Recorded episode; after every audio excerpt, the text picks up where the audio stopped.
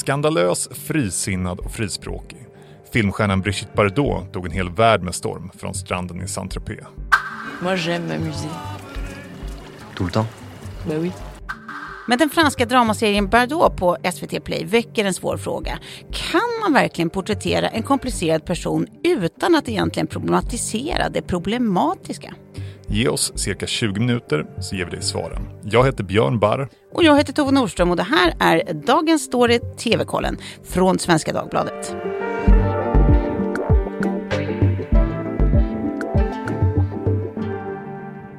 Tove, Tove, Tove. Vad är det första du tänker på när jag säger Brigitte Bardot?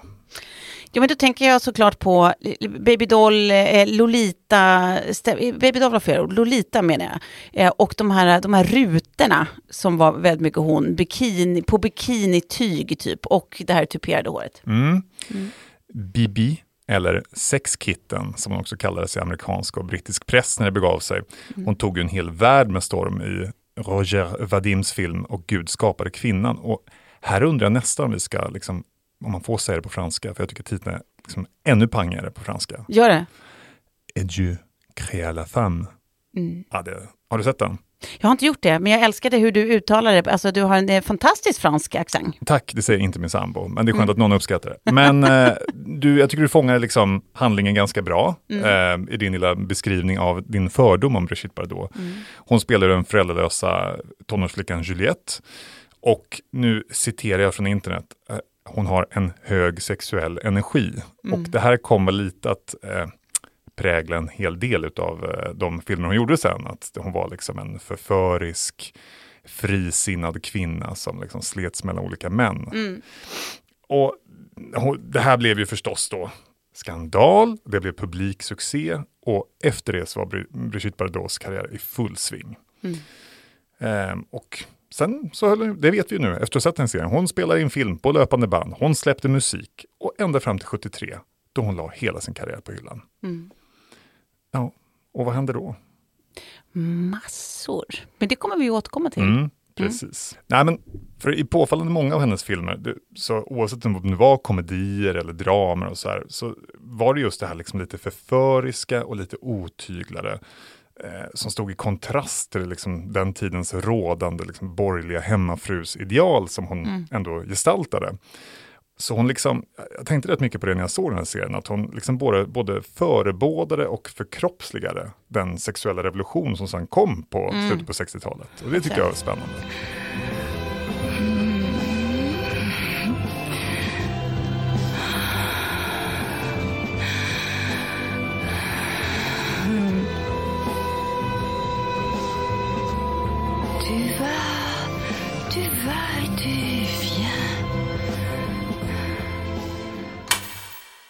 Hon står ju för en, en, en viktig del ur en eh, viss typ av historia, Mm. eh, eller historiska rörelser.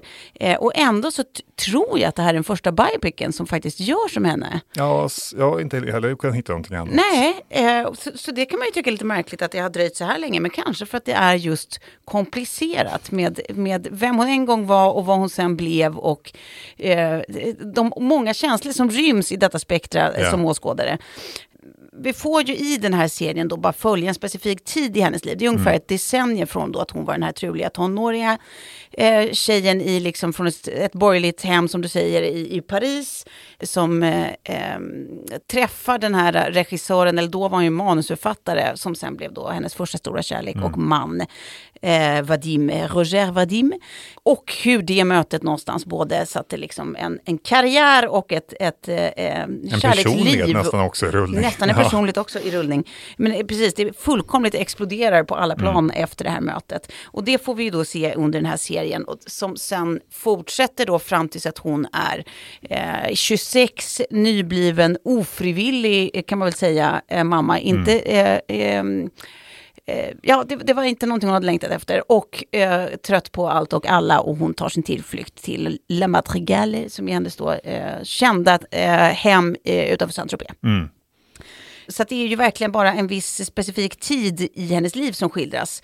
Ehm, och, Det är väl också lite det som gör det problematiskt. För jag menar, vi kommer ju Ja. komma in lite på hennes mammaroll senare. Men eh, Precis. de där aspekterna tas ju inte upp så mycket. Nej. Tas hem. Nej, nej, exakt. Alltså varför filmskaparna har valt att göra en sån här tidsmässig angränsning eller avgränsning, det är klart, det kan ju vi bara spekulera i, men det finns ju en, eh, en tanke som jag tror borde vara ganska rimlig.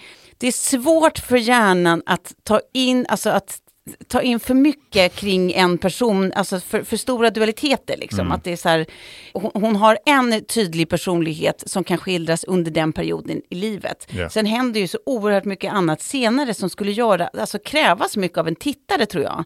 Eh, så att man måste nästan, så här, jag läste den här spaningen, det var andra som har gjort den också, att de har säkert då, filmskaparna har säkert gjort med flit, försökt liksom lägga så mycket tidsrymd emellan eh, den här unga Brigitte Bardot eh, med allt hon var och då den här gamla sura, jag säger det rakt ut, rasistiska eh, kärringen eh, som, som nu eh, eh, ja, bor i Saint-Tropez och pågår. Det är nog ett medvetet val från de här filmskaparna, att man vill, liksom, man vill låta uppmärksamheten ligga på eh, det, det, det de vill porträttera, alltså någonstans den här människan eh, Brigitte Bardot och inte på den politik hon sen eh, någonstans ger upphov till. Eh, att det inte ska bli en politisk diskussion i första hand. Nej men så är det väl och jag tycker att även om man inte behöver hålla med om de åsikter hon ger uttryck för Mm. senare i livet så är det ju ändå så att den typen av liksom frihetstörstande person som kommer fram i den här serien, det är Mm. ju liksom på något sätt det drag som kanske präglar henne mest, det är hennes liksom längtan efter frihet och liksom Mm. rörelse hela tiden. Det. Det finns ju med, alltså hon är, hon är en svår person, hon är en komplicerad person även som ung.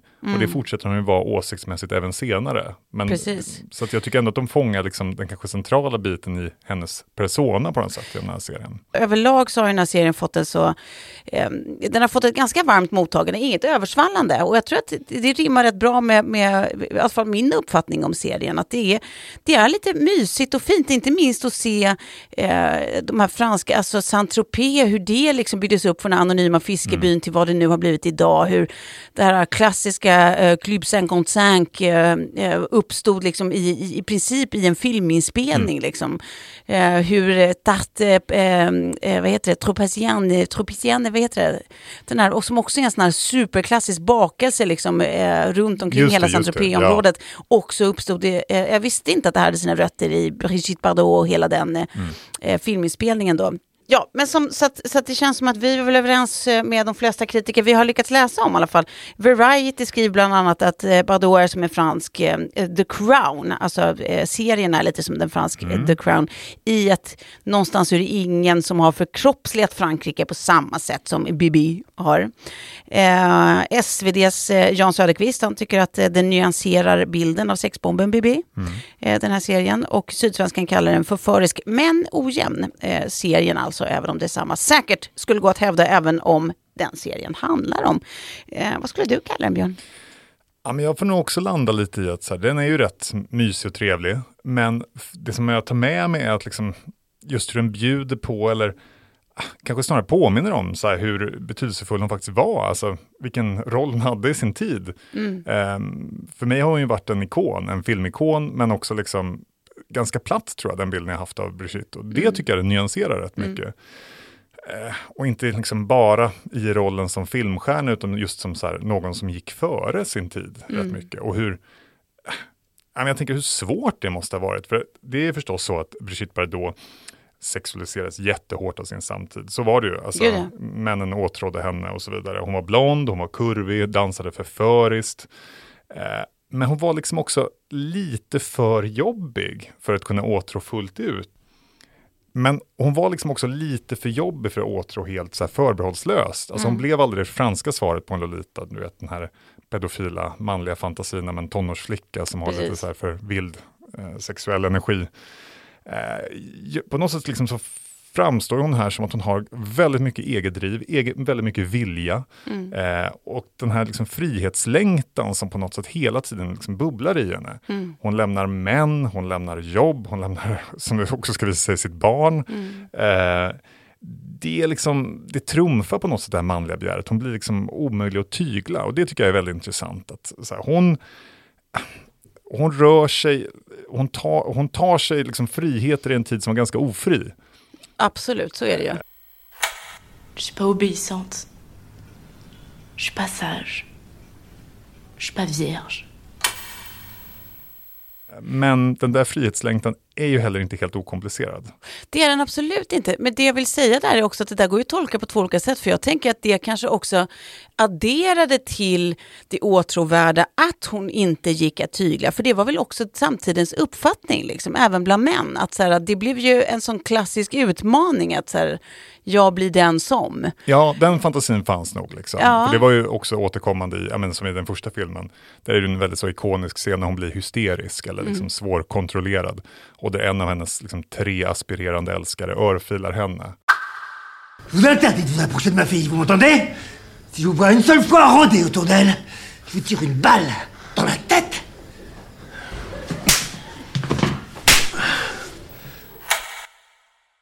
Den där idén om att som man kunna gå in och tygla den här liksom vilda urkvinnan Mm. känns det som att den har kommit och gått igen ganska mycket. Verkligen. Eh, Men jag tror ändå att det finns någonting liksom i, i hennes liksom natur som är lite farligt för, eh, Mm. för män och för det manliga begäret. Ja, och om inte annat så är det väl kanske det som har gjort att, att eh, eh, känslorna alltid har varit så delade kring hennes Ja, person. Precis. Att hon har varit lika älskad som hatad. Mm. Det är ju bara det är ytterligheter hela tiden. Liksom. Och det, det säger ju någonting om, om vad det är hon triggar hos människor, kvinnor som män egentligen. Men eh, om vi är ändå inne på liksom det här komplicerade och den Mm. dubbla naturen. eh, Skulle du vilja dra lite om vad som, vem hon blev sen? Nej, men, eh, eh, din din eh, fråga är min lag, som ju är ett uttryck. Alltså går det att göra en sån här biopic när det äntligen händer då eh, om en, eh, vad man ändå kan konstatera, problematisk person utan att riktigt problematisera det problematiska. Det var väl så vi hade formulerat det. Eh, och ka- kanske får man liksom börja med att, att ehm, eh, formulera en brasklapp också, att så här, problematik finns ju. Eh, det, det är ju inte så att man inte problematiserar hennes eh, personlighetsdrag som ställde till det för henne på en massa sätt, men också eh, banade väg för alla möjliga andra rörelser såklart. Det man dramatiserar i serien, det är ju egentligen mest de personliga, alltså Bardots personliga eh, problem som framförallt drabbade henne eller hennes älskare. Eh, och inte sånt som får större eller bredare konsekvenser som, som sen kommer att hända senare i livet. Eh, alltså det livet som inte skildras under seriens gång. Och som sker efter att hon har lämnat den offentliga världen kan man säga. Hon slutar spela in film. Hon, Precis. slutar, hon blev ju en dju- djurrättsaktivist mer eller mindre när Precis. hon lämnade filmvärlden. Ja, så hon 70-talet. lämnar ju inte helt offentliga livet, hon bara lämnar det, den, det, hon lämnar liksom kulturvärlden och går in i någon slags aktivistvärld istället. Eh, Men, men jag, jag kommer återkomma till hela den där grejen, jag hör att jag låter lite svamlig, men jag hoppas att ni ska höra, eh, förstå snart vad jag menar. Alltså grejen med BB eh, är ju att hon är flera saker, inte unikt för henne, det är väl förhoppningsvis alla människor, men hon är ju, alltså hon är modig, hon är frispråkig, hon är kompromisslös och hon är frigjord. Eh, Men hon är också en mor som kallar sin son för både oönskad och tumör. En medborgare som inte tycker att alla får plats och en förkämpe för sexuell frihet, men bara för heterosexuella. Så att den här, alltså hennes motvalsighet har ju över tid gått från att röra hennes egna eh, rättigheter och rörelseutrymme, eh, rörelsefrihet, till att alldeles för ofta röra just, eh, på senare tid, främlingsfientlighet, islamofobi och homofobi, inte minst i hennes egna bok då, Ett skrik i det tysta. Eh, Hon har ju till och med dömts för rasist, rasistiska kommentarer ska sägas. Så sammantaget så blir det ju lite grann ett getingbo av, av motstridiga omdömen som alla egentligen är lika sanna. Eh, Hon är ju verkligen en, en komplex person. En sammansatt individ. En sammansatt individ. Eh, och någonstans så här, vi, vi människor hatar ju när folk inte någonstans så här, pick a lane and stay in it, när folk är otydliga. Eh, alltså antingen är det svart eller så är det vit, pick one. Eh, och kanske är det därför man någonstans återigen har avgränsat den här eh, eh, biopicen till, till det decennium man har. För att efter det så blir den här tydligheten, den går liksom om intet. Det, det blir stökigt. Gillar vi henne eller gillar vi henne inte? Det är svårare att avgöra sen. Ehm, och här i, någonstans ligger ju det som skaver. Eh, det var hit jag vill komma för att BB för mig är ju ett det är så kul också att säga BB som att det här är en kompis till mig. Det låter så, så himla eh, Intimt. Ja. intimt. Jo. Eh, BB för mig, eh, nej, Brigitte Bardot, eh, hon är ju verkligen ett oxymoron på massa sätt, tycker jag.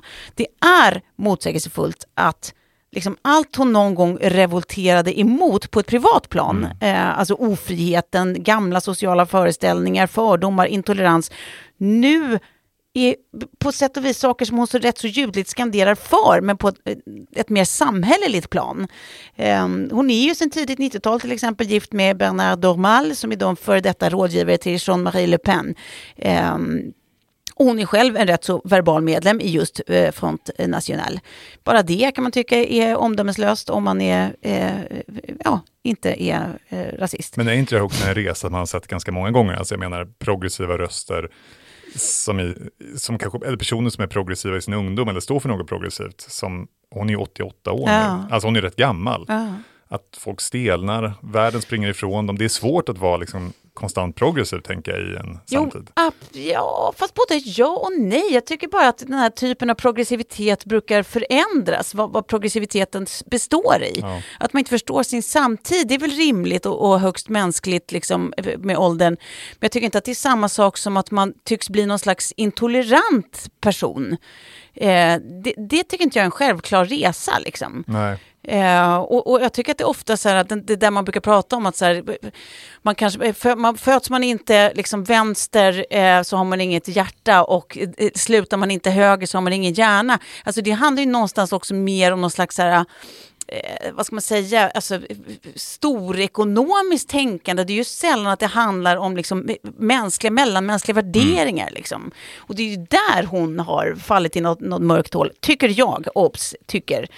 Ehm, men någonstans, här, det tycker jag inte heller är det enda som känns motsägelsefullt med Bardot. Men håller du med mig så långt att det finns en motsägelse där? Absolut. Ja. Jag, jag tror du är inne på något jätteviktigt i det. Alltså, så här, dels då liksom att hur, människor tenderar att vara mycket, mycket mer mångfacetterade än vad man kanske önskar. Ja. Både för, att liksom kunna förstå dem och också för att kunna gestalta dem. Eh, Det blir ju också en fråga om så här, men hur ska man minnas Bardot? Ska Ja. hon vara liksom den här banbrytande Precis. protofeministiska ikonen Mm. eller en invandringskritisk djurtant? Mm. Det är liksom det är jättesvårt. Mm. Kan vara båda och samtidigt. Precis. Men jag tycker också det finns liksom aspekter som är så här att det här är en person som åtminstone jag uppfattar som att i hennes liv så har liksom den personliga friheten trumfat allt exakt hela tiden. Mm. Det är hon och det är hennes liv och det är hennes vilja Mm. som på något sätt står i centrum konstant. Och då kastas ju ganska lätt en och annan ut med badvattnet på vägen, oavsett om det rör sig om makar, älskare eller Mm. barn eller liksom personer i ens närhet. Mm. Och det blir ett ganska liksom ensamt och hårt liv, Mm. föreställer jag mig. Den typen av, liksom, när friheten är det helt centrala, den liksom individuella friheten trumfar allt. Just det. Precis, det är kanske därför också hon har haft så oerhört många relationer. För att så som det i alla fall gestaltas på film så är det ju så fort hon känner sig ensam i en relation, alltså om det så bara är rent fysiskt, att eh, hon inte kan vara på samma plats som sin make, men det är då hon tar sig en ny älskare. Liksom. Och det finns ju en problematik att gräva i där förstås, kan man tycka. Eh, men oavsett, om jag får gå tillbaka till det där med, med eh, allt det motsägelsefulla med Bardot, för allt hänger ju ihop. Hon har ju ett sånt där outsinligt engagemang, nästan moderlig kärlek till djur, har ju varit en sån här djurrättskämpe. Eh, så pass kraftigt brinnande eh, djurrättskämpe faktiskt att till och med eh, flera av de här djurrättsorganisationerna har tagit avstånd från hennes Ja, hon är- radikalitet. Ja, precis. Väldigt, väldigt mycket djurvän. Mm, precis. Lite för mycket djurvän. Lite, Ja. lite för mycket. Eh, och då kan man tycka att så här, det, det någonstans lirar ju inte helt med att, så här, att hon, hon hittar nästan den här moderliga urkärleken till djur, men hon klarade inte upp båda detsamma för hennes son. Nej. Jag förstår att det är två olika kärlekar, men det finns någonting där som, som bara skaver. Ja, som det är svårt här, det är svårt att förstå. Var, han var ju tre år när hon helt gav upp eh, sin del av föräldraskapet. Eh, och det, det är klart att det kan bero på en massa saker, men, men det känns bara lite obegripligt. Och sen om jag får ta en sista punkt också, att hon har ju hyllat, så det här tror jag att du också kommer berätta mer om, för du har ju faktiskt sagt innan inspelningen att du har eh, läst en del av Simone de Beauvoirs eh, eh verk som, som handlar om om eh, eh, Brigitte Bardot. Eh, men, men hon har ju hyllats och omtalats en, av, en hel hög egentligen, eh, kulturell royalty från 50-talet. Alltså François Sagan och Serge Gainsbourg och Simone de Beauvoir just. Eh, så, som något av en viktig eller någon av en viktig feministisk betydelse. Eh, och samtidigt tycker jag man kan ställa sig frågan så här, är, är det vidare feministisk eh, revolt att kroniskt lägga sin lycka och sitt liv i mäns händer? Vilket tycks vara lite av hennes livshistoria, eller att gå från en famn till en annan för att allt var bättre än det egna sällskapet. Eh, eh, att ens fulla identitet någonstans tycks så himla nära knuten ens sexualitet. Jag vet inte det. Alltså, eh, det, det, det behöver inte vara dåligt, men är det feministiskt nödvändigtvis?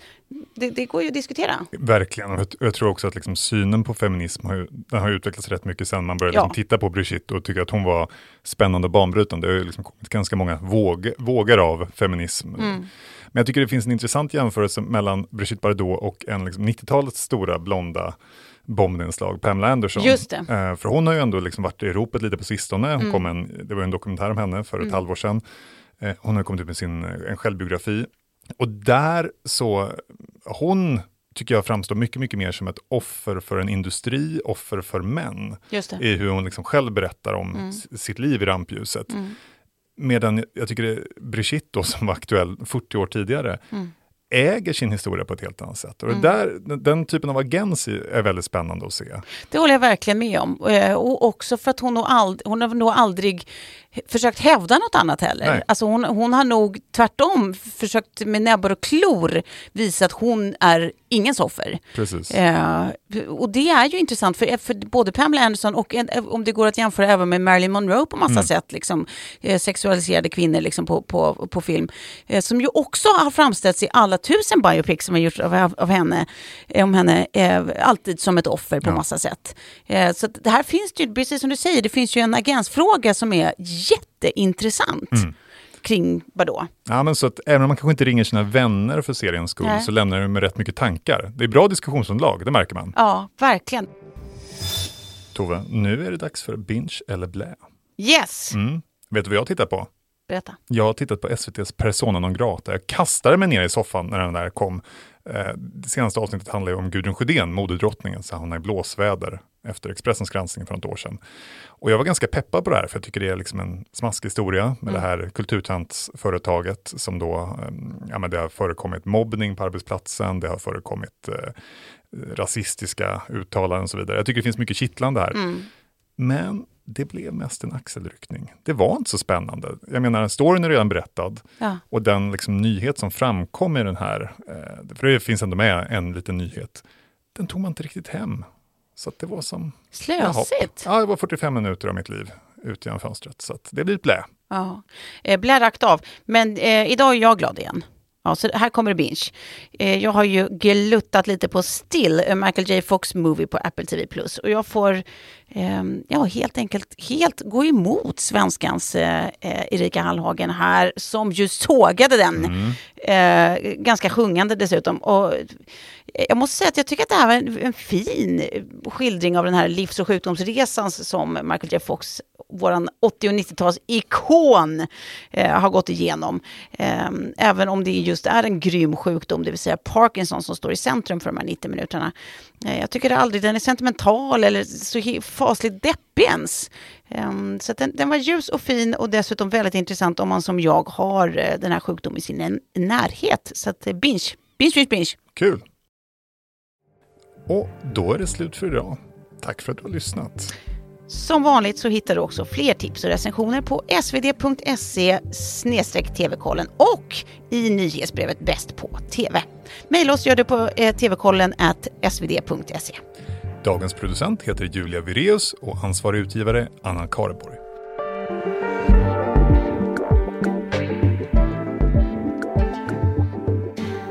Klippen i programmet kommer från Bardot på ST Play och låten Je t'aime moi non plus med Serge Gainsbourg och Brigitte Bardot.